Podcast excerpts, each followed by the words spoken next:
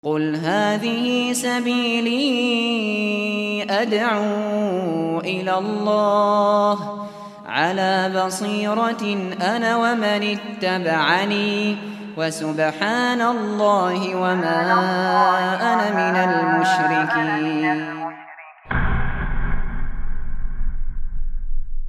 Bismillahirrahmanirrahim. Assalamualaikum warahmatullahi wabarakatuh.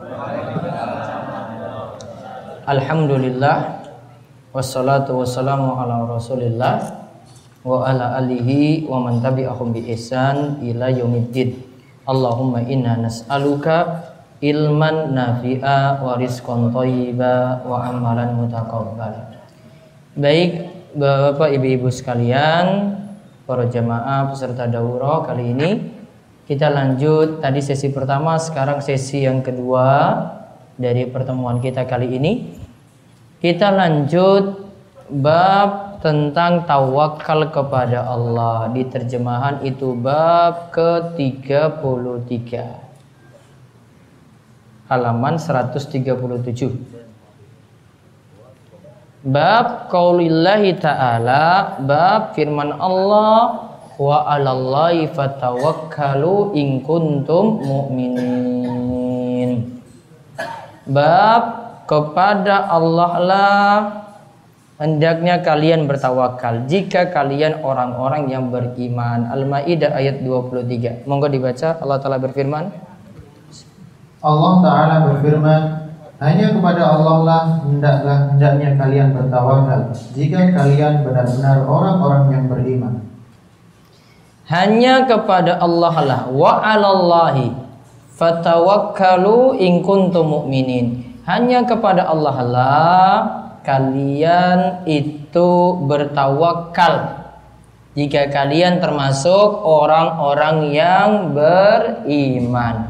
Garis bawahi pada ayat hendaknya kalian bertawakal. Hendaknya kalian bertawakal.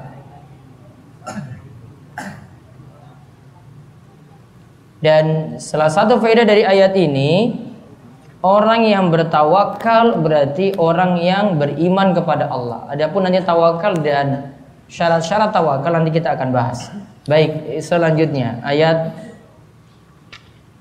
Allah Ta'ala berfirman Sesungguhnya orang-orang yang beriman itu adalah mereka yang apabila disebut nama Allah Gemetarlah hati mereka. Dan apabila dibacakan kepada mereka ayat-ayatnya Bertambahlah iman mereka karenanya Serta kepada rohlah mereka bertawakal. Quran Surat Al-Anfal ayat 2 Innamal mu'minuna alladzina idza dzukirallahu wajilat qulubuhum wa idza tulihat alaihim ayatu zadatsum imana wa ala rabbihim yatawakkalun. Sesungguhnya orang-orang yang beriman itu adalah mereka yang apabila disebut nama Allah Zukirallah disebut nama Allah wajilat qulubuhum. Hati mereka itu gemetar tersentuh.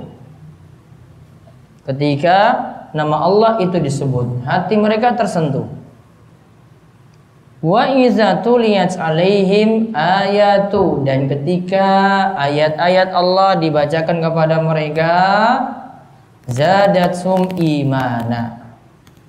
Iman mereka bertambah. Iman mereka bertambah. Wa ala rabbihim yatawakkalun. Hanya kepada Allah lah mereka itu bertawakal di sini disebutkan sifat orang beriman. Satu. Apa sifatnya di sini? Ketika disebut nama Allah bergetar hatinya. Maka nanti tanda zikir yang benar itu kalau membuat orang itu bergetar hatinya.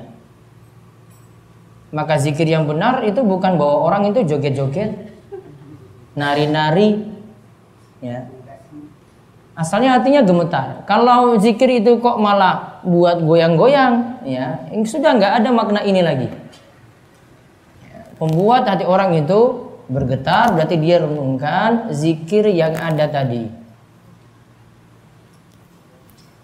Sifat yang kedua wa izatuliyat alaihim ayatu ketika dibacakan ayat Allah zadathum imanan yaitu ketika dibacakan ayat Allah ayat di sini nanti ada dua macam ayat syariah dan ayat kauniyah yaitu ketika dibacakan ayat syariah, yaitu ayat Al-Quran ini, maka imannya bertambah. Atau bisa ayat yang kedua, ayat kauniyah. Yaitu keadaan-keadaan alam yang menunjukkan keagungan Allah, yang menunjukkan kebesaran Allah, bisa lihat dari langit, matahari, rembulan, pepohonan, lautan, itu membuat orang itu sadar akan kebesaran Allah, itu juga yang dimaksud. Berarti yang kedua apa? Jika dibacakan ayat Allah, baik tadi ayat apa? Syariah ataupun ayat kauniyah. Syariah ini ayat Al-Qur'an. Kauniyah yaitu keadaan alam. Imannya bertambah. Kemudian yang ketiga sifat orang beriman apa? hanya kepada Allah bertawakal. Hanya kepada Allah bertawakal. Tiga ya. Yang pertama, jika disebut nama Allah bergetar hatinya. Yang kedua, jika dibacakan ayat Allah bertambah imannya. Yang ketiga, hanya tawakal kepada Allah saja. Nanti tawakal akan kita bahas khusus. Di garis bawahi pada kalimat kepada Roblah mereka bertawakal.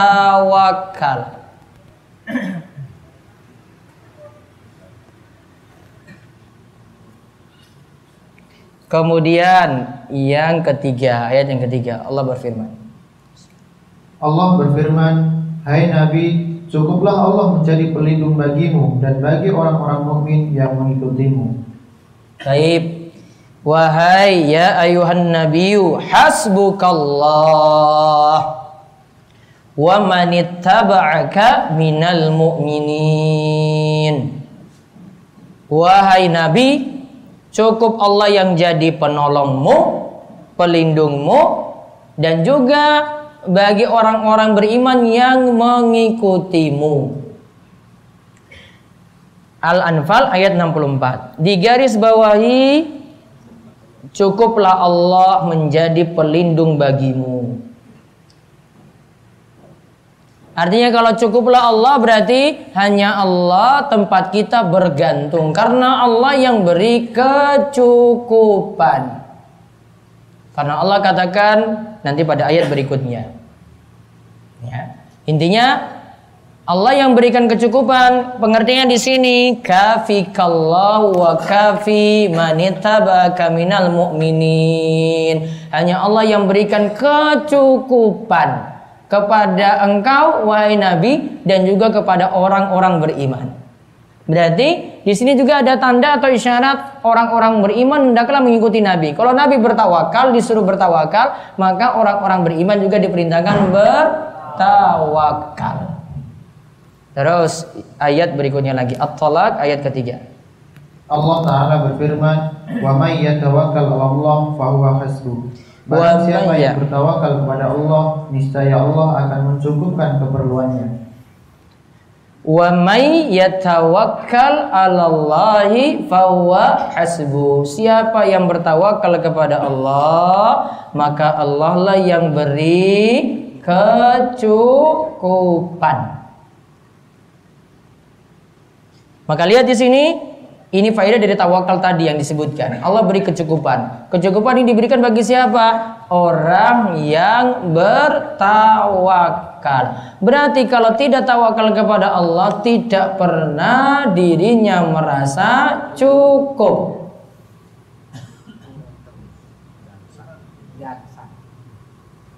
Apa tidak rasa cukup terus apa maksudnya? Nah.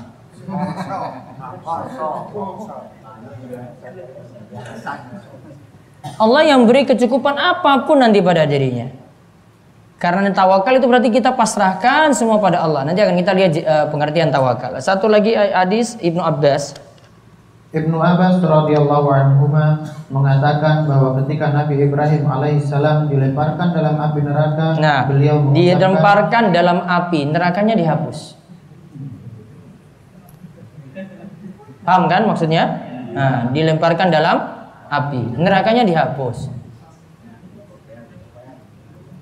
Masa Nabi Ibrahim dilemparkan dalam neraka? Dilemparkan dalam api. Walaupun bahasa Arabnya itu anar. Ya. Namun yang dimaksudkan sini adalah api. Terus beliau mengucapkan. Beliau mengucapkan hasbunallah wa ni'mal wakil. Cukuplah Allah menjadi penolong kami dan Allah adalah sebaik-baik pelindung. Nah, hasbunallah wa ni'mal wakil. Cukuplah Allah menjadi penolong kami dan Allah adalah sebaik-baik pelindung. Allah yang berikan kecukupan, Allah sebaik-baik pelindung di sini. Nikma itu secara bahasa, bahasa Arab itu artinya sebaik-baik. Ya, sebaik-baik. Allah sebaik-baik yang menjadi pelindung. Maka tidak ada yang sebaik-baik Allah dalam memberikan perlindungan.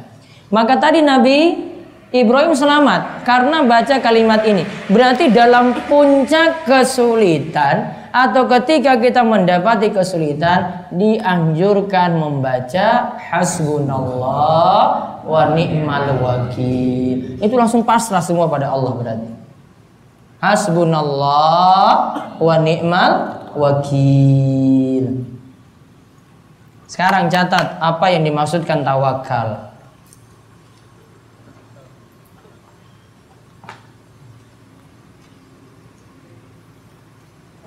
Tawakal hakikatnya adalah Tawakal hakikatnya adalah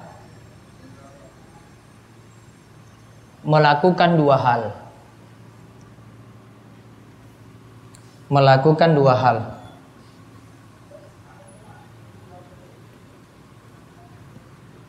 Satu,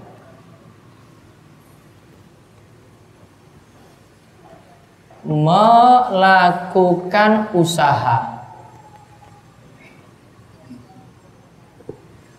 Melakukan usaha. Atau sebab. Dua.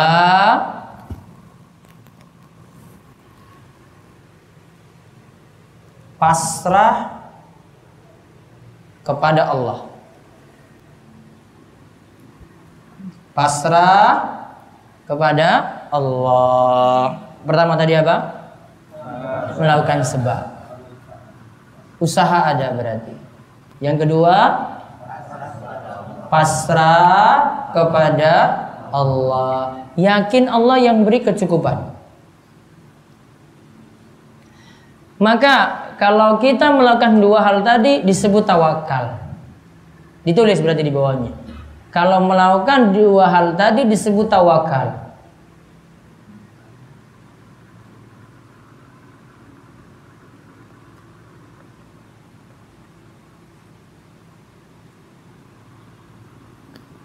Sedangkan kalau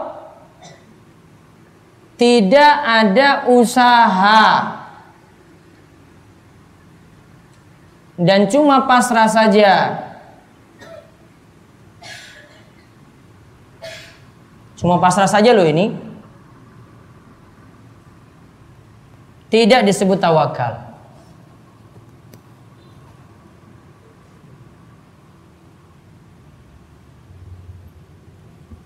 Begitu pula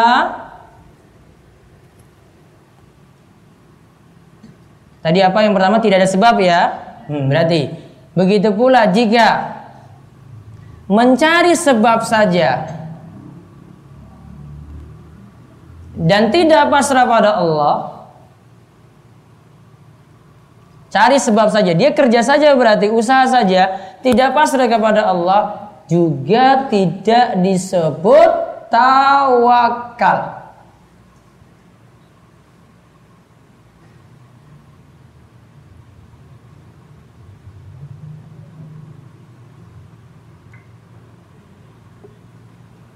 Dia cuma kerja saja, berarti dia pede. Terlalu percaya pada dirinya sendiri, tidak pasrah kepada Allah, juga tidak disebut tawakal. Bahkan orang yang kedua ini melupakan bahwasanya kita itu dimudahkan dalam segala urusan itu kalau Allah yang mudahkan semuanya. Makanya di antara bacaan kita dianjurkan misalnya baca zikir la haula wala quwata illa billah. Misalnya ba'da salat ada zikir ini la ilaha illallah wahdahu la syarikalah lahul mulku wa lahul hamdu wa huwa ala kulli syai'in qadir la haula wala quwata illa billah. Ada lanjutannya lagi.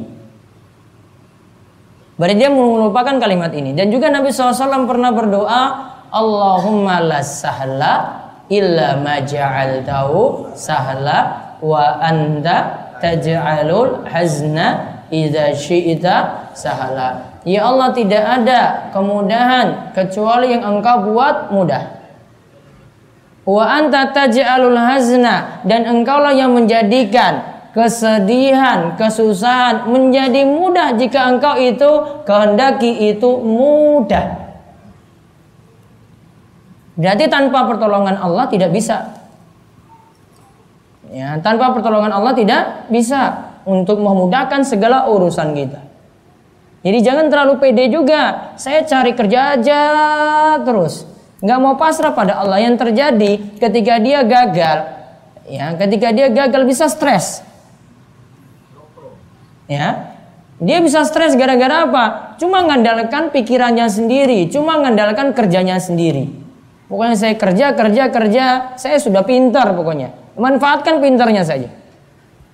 Maka ketika dia gagal, ujung-ujungnya nanti akan stres. Makanya Nabi SAW itu katakan, ihris ala ma semangatlah untuk hal yang bermanfaat untukmu, wasta'in billah, minta tolonglah kepada Allah, wala ta'jiz, janganlah malas, janganlah lemah. Kemudian Nabi SAW melanjutkan, jika engkau tidak mendapatkan apa yang tadi kamu cita-citakan, maka jangan banyak berkata, lau kada lakana kaza wa kaza seandainya ini saya lakukan seperti ini pasti terjadinya seperti ini dan seperti ini. Namun katakanlah kata Nabi SAW ucapkanlah ya apa qadarallahu wa masya'a fa'al. Kalau sudah gagal ingat Allah yang takdirkan segalanya. Apa yang Allah kehendaki maka itu pasti akan terjadi. Pasrahkan pada Allah berarti kita sudah berusaha kok gagal. Gagal berarti ya nanti kita ulang lagi, kita sabar, mengulang lagi, mengulang lagi, mengulang lagi. Allah yang nanti akan berikan lagi jalan eh, jalan keluar untuk selanjutnya. Jadi orang beriman tuh seperti itu. Gak merasa pede dengan dirinya sendiri. Saya walaupun IQ sampai berapapun ya, dia tidak mengatakan wah karena IQ saya ini saya bisa sukses seperti ini. Wong ada yang IQ-nya tinggi juga tetap Ya kayak gitu orangnya. Bukan blow on, kebablasan. Pinternya. Belum lihat orang yang kebablasan pinter kan? Apa-apa itu ngerti coba. Mau jawab apa saja dia bisa jawab. Mau komentar ini, komentar ini bisa dia komentar. Terlalu berlebihan tadi, over tadi ke kepintarannya. Karena terlalu mengandalkan dirinya sendiri. Coba kalau dia pasrahkan pada Allah semuanya. Urusannya mudah semuanya. Kalau gagal sudah ulang lagi. Sama gagal usaha demikian juga. Saya mau bisnis apa pun juga saya usaha usaha usaha. Kalau gagal sudah Allah yang tentukan itu. Sifat orang beriman seperti tadi. Maka ingat kembali tadi kita disebut tawakal jika lakukan dua hal. Yang pertama apa? Lakukan usaha. Yang kedua pasrah kepada Allah. Tawakal disebut tawakal kalau ini ada. Salah satu hilang maka tidak disebut tawakal. Antum cuma andalkan saja usaha sendiri, tidak disebut tawakal. Atau Cuma pasrah saja. Ah saya mau pergi ngaji saja. Istri saya tinggal saja. Saya nggak beri uang, nggak ada uang yang tersisa. Pokoknya saya pasrahkan saja. Iya benar. Istri memang tawakal sekali. Namun utang pada tetangga. Ya, antum cuma mikir diri sendiri, nggak mikir untuk keadaan keluarga, pergi tinggalkan gitu saja. Iya betul. Istri nanti ditolong oleh Allah. Namun susah-susah dia cari utang di tetangga nanti.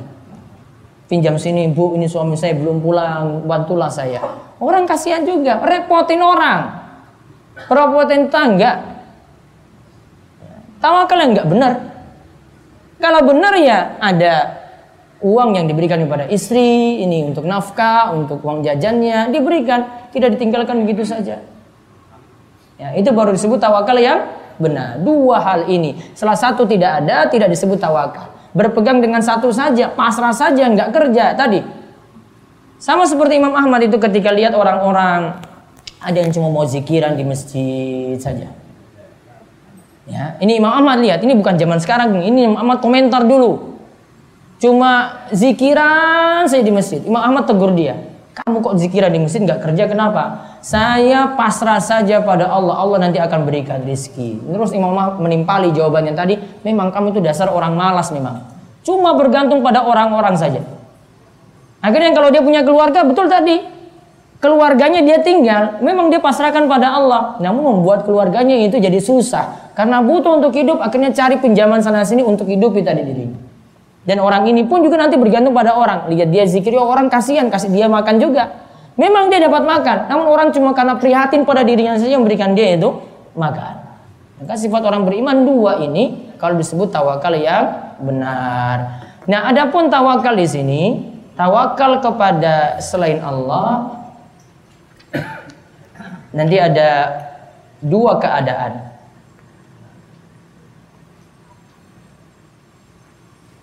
Tawakal kepada selain Allah atau kepada makhluk ada dua keadaan. Yang pertama, tawakal yang dihukumi syirik akbar. Tawakal yang dihukumi syirik akbar.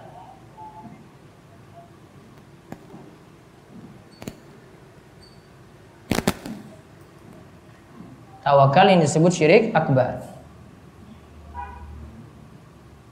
Yaitu bertawakal pada perkara yang hanya Allah yang mampu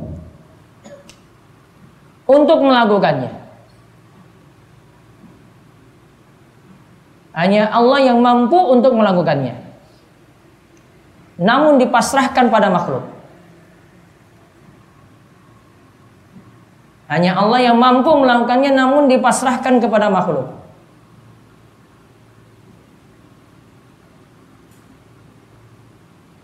Contoh, maaf, e, dipasrahkan pada makhluk. Contoh, tawakal agar diampuni dosa-dosa. Siapa yang mengampuni dosa? Allah. Berarti kalau dia bergantung kepada makhluk supaya dosa-dosanya diampuni, berarti tawakalnya syirik. Karena masalah pengampunan dosa cuma urusan Allah saja di sini. Allah yang mengampuni, bukan makhluk, bukan orang soleh, bukan orang yang sudah mati. Begitu pula contohnya lagi tawakal agar mendapatkan kebaikan di akhirat. Contohnya lagi tawakal agar mendapatkan kebaikan di akhirat. Tawakal supaya bisa masuk surga berarti. Siapa yang masukkan dalam surga? Allah. Allah yang masukkan kita dalam surga dengan rahmat Allah. Kalau kita pasrahkan pada makhluk, pada orang soleh yang kita agung-agungkan, orang soleh tidak bisa berbuat apa-apa. Karena ini hal yang khusus Allah lakukan, bukan makhluk. Keadaan yang kedua.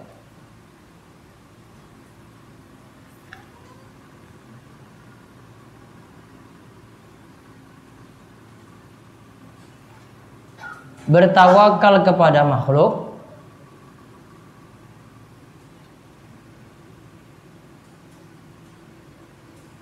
berbarengan dengan Allah.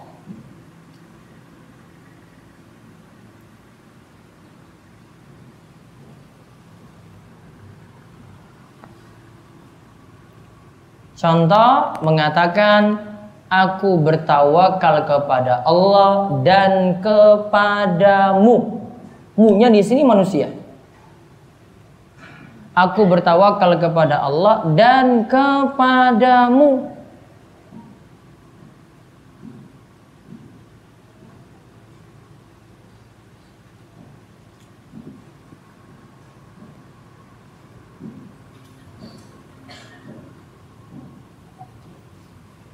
Hukumnya untuk yang keadaan kedua adalah syirik khafi.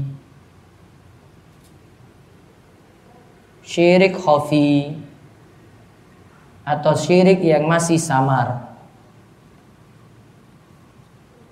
Syirik khafi atau syirik yang masih samar.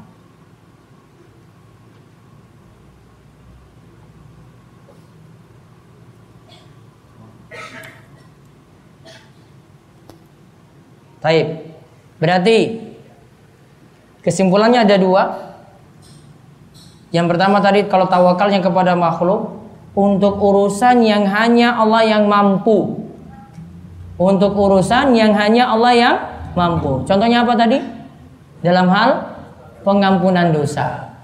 Dalam hal untuk mendapatkan kebaikan di akhirat.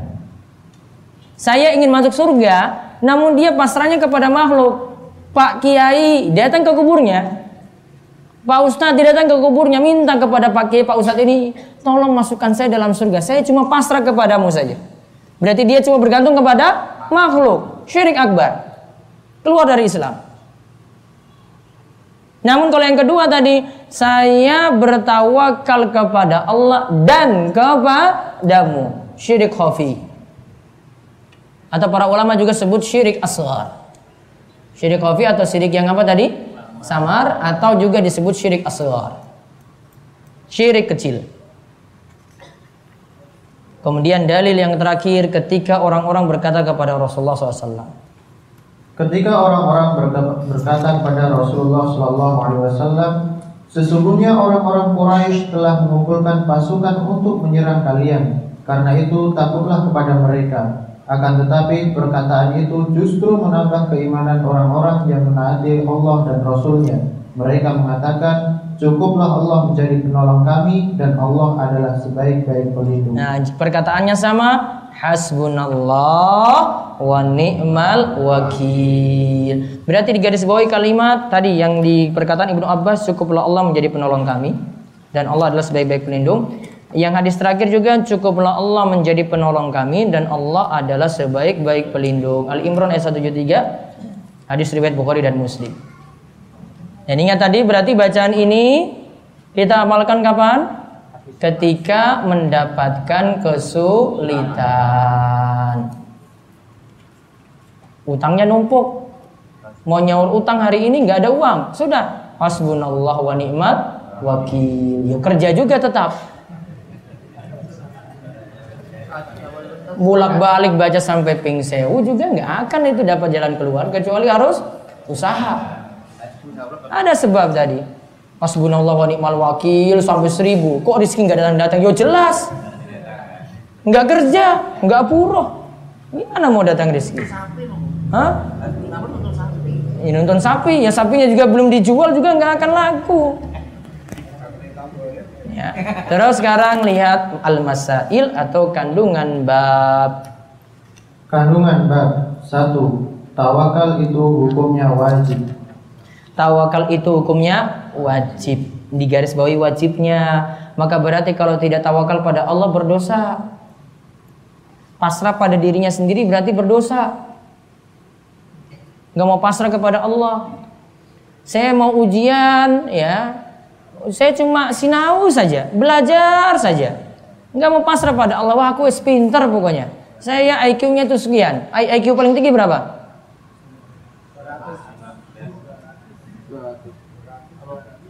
200 Wah kebablasan tuh kayaknya. Hah? Jadi bukan bergantung pada dirinya sendiri, bukan pada kerja kerasnya, bukan karena IQ-nya, bukan karena kepintarannya, bukan karena belajarnya yang lama, bukan. Dia pasrah pada Allah, tetap lakukan sebab, namun tetap pasrahkan pada Allah. Terus yang kedua. Dua, tawakal adalah salah satu syarat keimanan. Nah, tadi karena disebutkan innamal mu'minuna alladzina idza dzukirallah, ya kan? Orang-orang beriman itu sifatnya tadi kan tiga. Di antaranya tadi wa ala rabbihim yatawakkalun. Mereka tawakal penuh kepada Allah. Yang ketiga, Tiga, tafsir surat Al-Anfal ayat 6. yaitu ya ayuhan nabi ayat 6 Al-Anfal ayat 6 ayat 64 kali. Ayat 6 mungkin itu ayat 2 Al-Anfal ayat 2 dicoret. Al-Anfal ayat 2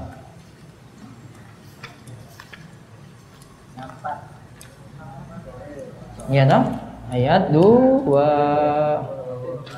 Terus? Empat, Yang nomor 4 Al-Anfal tafsir surat? Tafsir surat Al-Anfal ayat 64. Tafsir surah Al-Anfal ayat 64 terus? Lima, tafsir surat Al-Tolak ayat 3. wa may yatawakkal 'alallahi fahuwa hasbuh Siapa yang bertawakal kepada Allah maka Allah akan berikan kecukupan. Namun lihat di sini sebagian orang sebut ayat ini dengan nama ayat seribu dinar. Tak cerita dulu kalau gitu. Ini ngawur ini orang yang berfatwa ini. Biar paham. Ayat seribu dinar. Ayat seribu dinarnya itu mulai dari Wah, internetnya lambat. Kalau ngaji di sini itu alhamdulillah, nggak ada sinyal. Jadi kalian mau keluar pun dari sini nggak bisa. Mau telepon Grab kayak mau telepon Gojek kayak nggak ada yang mau ke sini. Iya, mau cari taksi juga nggak ada. Ini orang-orang kota nih mau keluar dari sini nggak bisa. Nah, ayat 1000 dinar itu ada yang ini ayat tadi itu. Tadi surat apa? Atolak, atolak ayat 3. Mulai dari ayat 2 sampai ayat 3. Wa may yattaqillaha yaj'al lahu makhraja wa yarzuqhu min haitsu la yahtasib wa may yatawakkal 'alallahi fa huwa hasbu. Innallaha balighu amri qad ja'alallahu likulli syai'in qadara. Di sini ada yang punya keyakinan biar cepat sugih, biar cepat kaya, biar rezekinya itu lapang. Ada amalan seperti ini, bacalah surat Al-Fatihah pada malam pertama dari tiap-tiap bulan kalender Hijriah. Berarti ini wis bulan apa? Jumada Sani. Setelah ini bulan apa? Rajab nggih. Nah, di bulan Rajab itu awalnya. Nah, ini katanya bacalah Al-Fatihah seribu kali. Lalu baca Al-Maidah 1 ayat 114. Lalu baca ayat 1000 dinar tadi, yang tadi itu. Baca 21 kali. Wa may yattaqillah yaj'al lahu makhraja wa yarzuqhu min haitsu la yahtasib wa may yatawakkal 'ala Allah fa huwa hasbuh innallaha balighu amri qad ja'alallahu likulli syai'in qadra. Hitung sampai 21 kali. Kemudian dilanjutkan dengan membaca Asmaul Husna. Lalu setiap harinya itu baru pertama. Setiap harinya lagi berikutnya baca ayat 1000 dinar tadi 1000 kali.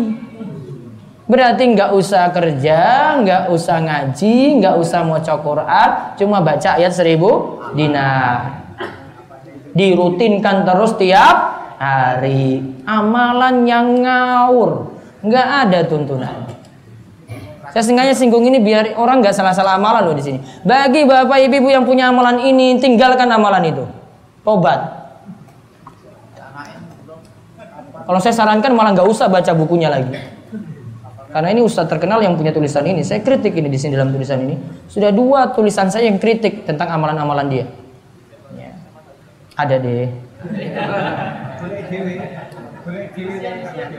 Karena tadi ditetapkan satu ayat baca pertama kali baca 21 kali.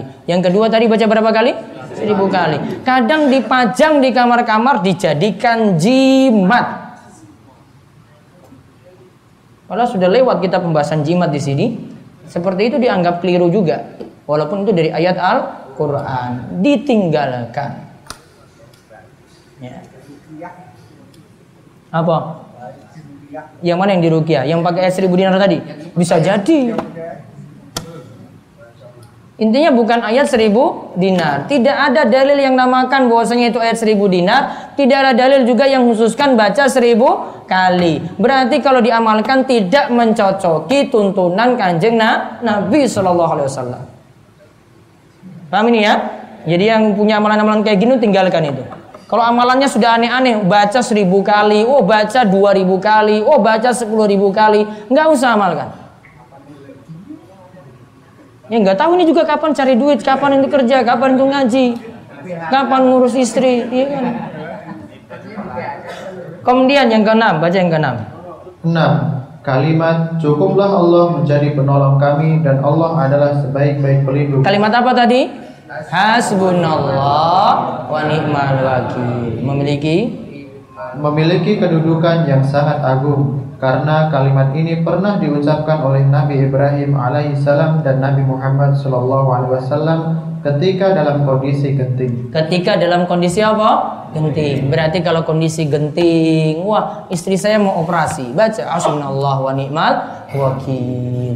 Wah debit kolektor datang, saya nggak punya utang. Kamu nggak punya utang, nggak punya uang untuk nyaur. Hasbunallah wa ni'mal wakil. Yang penting jangan ngapusi.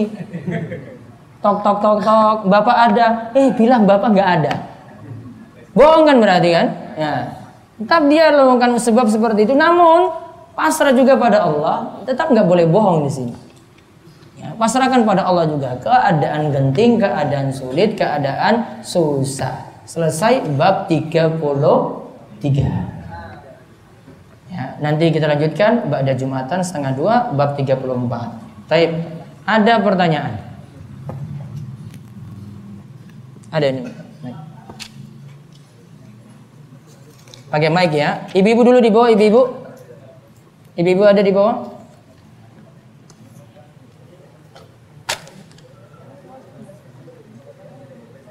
Ada ibu-ibu di bawah tanya? Ini ada kotak pertanyaan itu ibu-ibu dan bapak ada, ada kertasnya sudah dibantu untuk disediakan. Bisa tanya lewat situ atau nanti bisa habis Jumatan nanti. Bisa pakai. Ada ibu-ibu bawa dulu? Ada? Baik, bapak dulu. Ya. Ustaz. Waalaikumsalam warahmatullahi Jadi wabarakatuh. katakan eh, untuk tawakal hakikatnya adalah melakukan dua hal yakni usaha dan pasrah kepada Allah. Nah, bagaimana kadarnya? Apakah eh, harus sama sama usahanya tinggi dan pasrahnya tinggi atau ada yang dilebihkan? Pokoknya dilakukan usaha semampu kita, setelah itu pasrah kepada Allah. Mana usaha atau kemampuan kita dulu? Kemudian eh, yang kedua tadi ada zikir yang hasbunallah wa ni'mal wakil. Eh, pernah dengar ada lanjutannya? Apakah itu ada Nikman nikmal maula wa nikman nasir. Kalau ayat Al-Qur'annya seperti itu. Mau tambah itu juga maknanya masih benar. Namun kalau mencukupkan dengan dalil sampai situ tadi. Ada lagi Oke, mic. Mic. Mic, mic, ya. Makasih Ustaz yang kami tanyakan kaitannya kalau tadi ditanya, eh, dikatakan tentang eh, ayat seribu dinar dan dan manfaatnya. Eh, saya pernah membaca eh, dalam tafsir tafsir itu tentang fadilah membaca surat Yasin untuk eh, di situ disampaikan bahwa Rasulullah bersabda bahwa bacakanlah untukmu eh untuk orang yang mati surat yasin. Hadisnya dhaif. Iqra'u Yasin ala mautakum. Bacakanlah Yasin pada orang yang akan mati di antara kalian. Yang lagi sakaratul maut diperintahkan baca surat Yasin. Hadisnya mutarib. Mutarib itu di antara jenis hadis yang dhaif. Dari sisi kesimpulan kalau hadisnya dhaif berarti hadisnya bermasalah.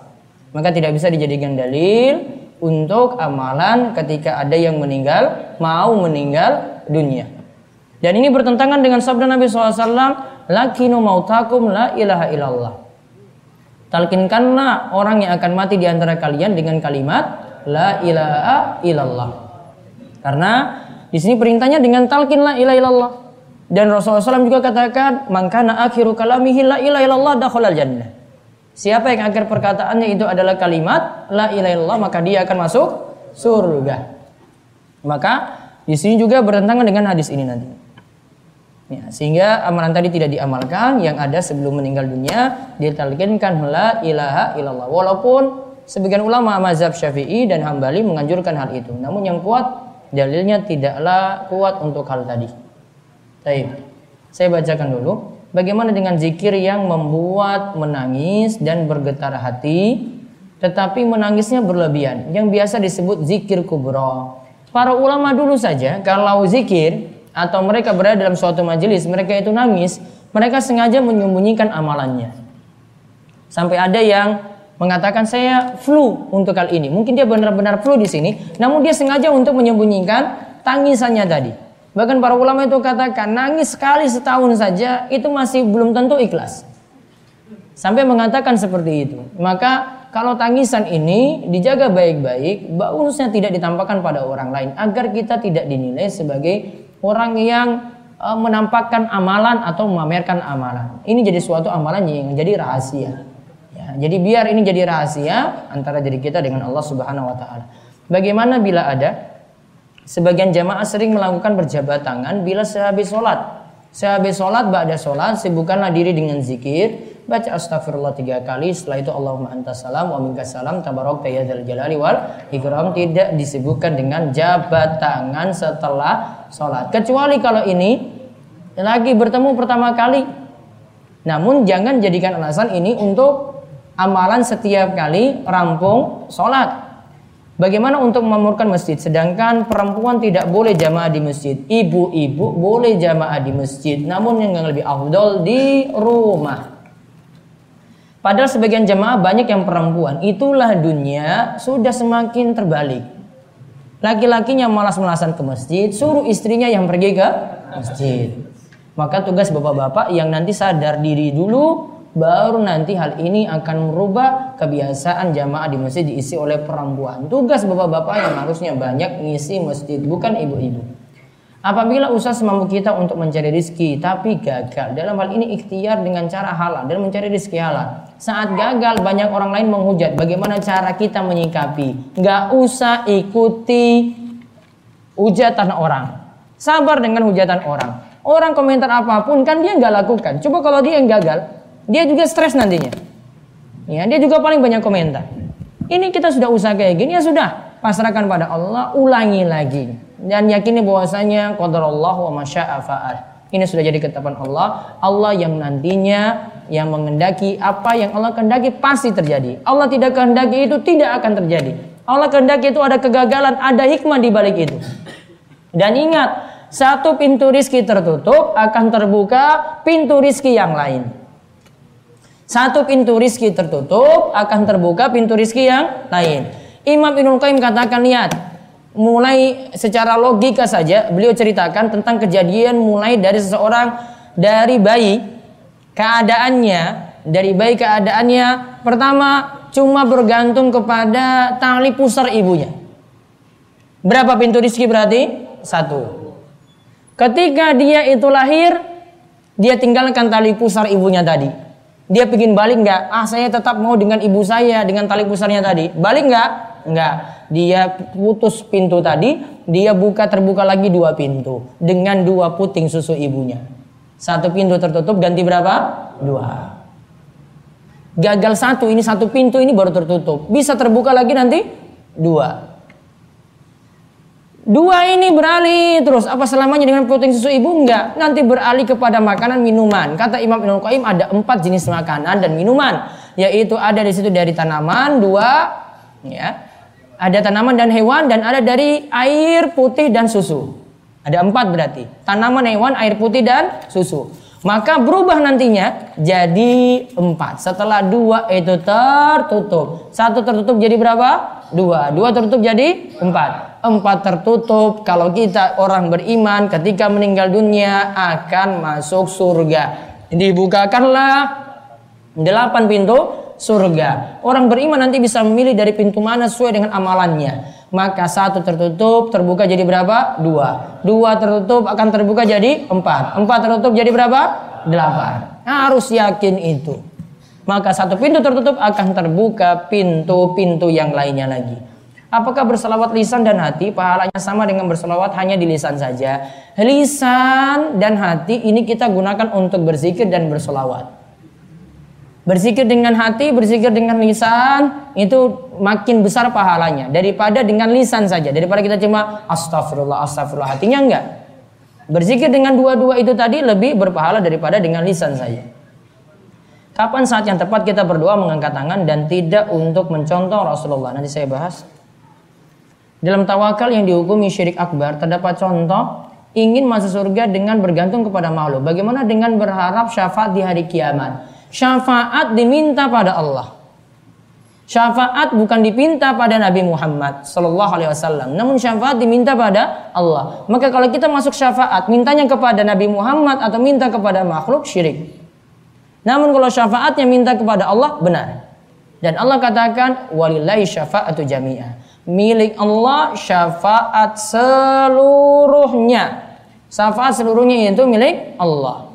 Bagaimanakah ciri-ciri yang diterima sholat yang diterima oleh Allah? Salah satu ciri-ciri sholat yang diterima kaidah yang disebutkan oleh Imam Ibnu Katsir dan beberapa ulama yang lainnya min sawabil hasanatu al hasanatu ba'daha Balasan dari kebaikan akan lanjut kebaikan yang selanjutnya.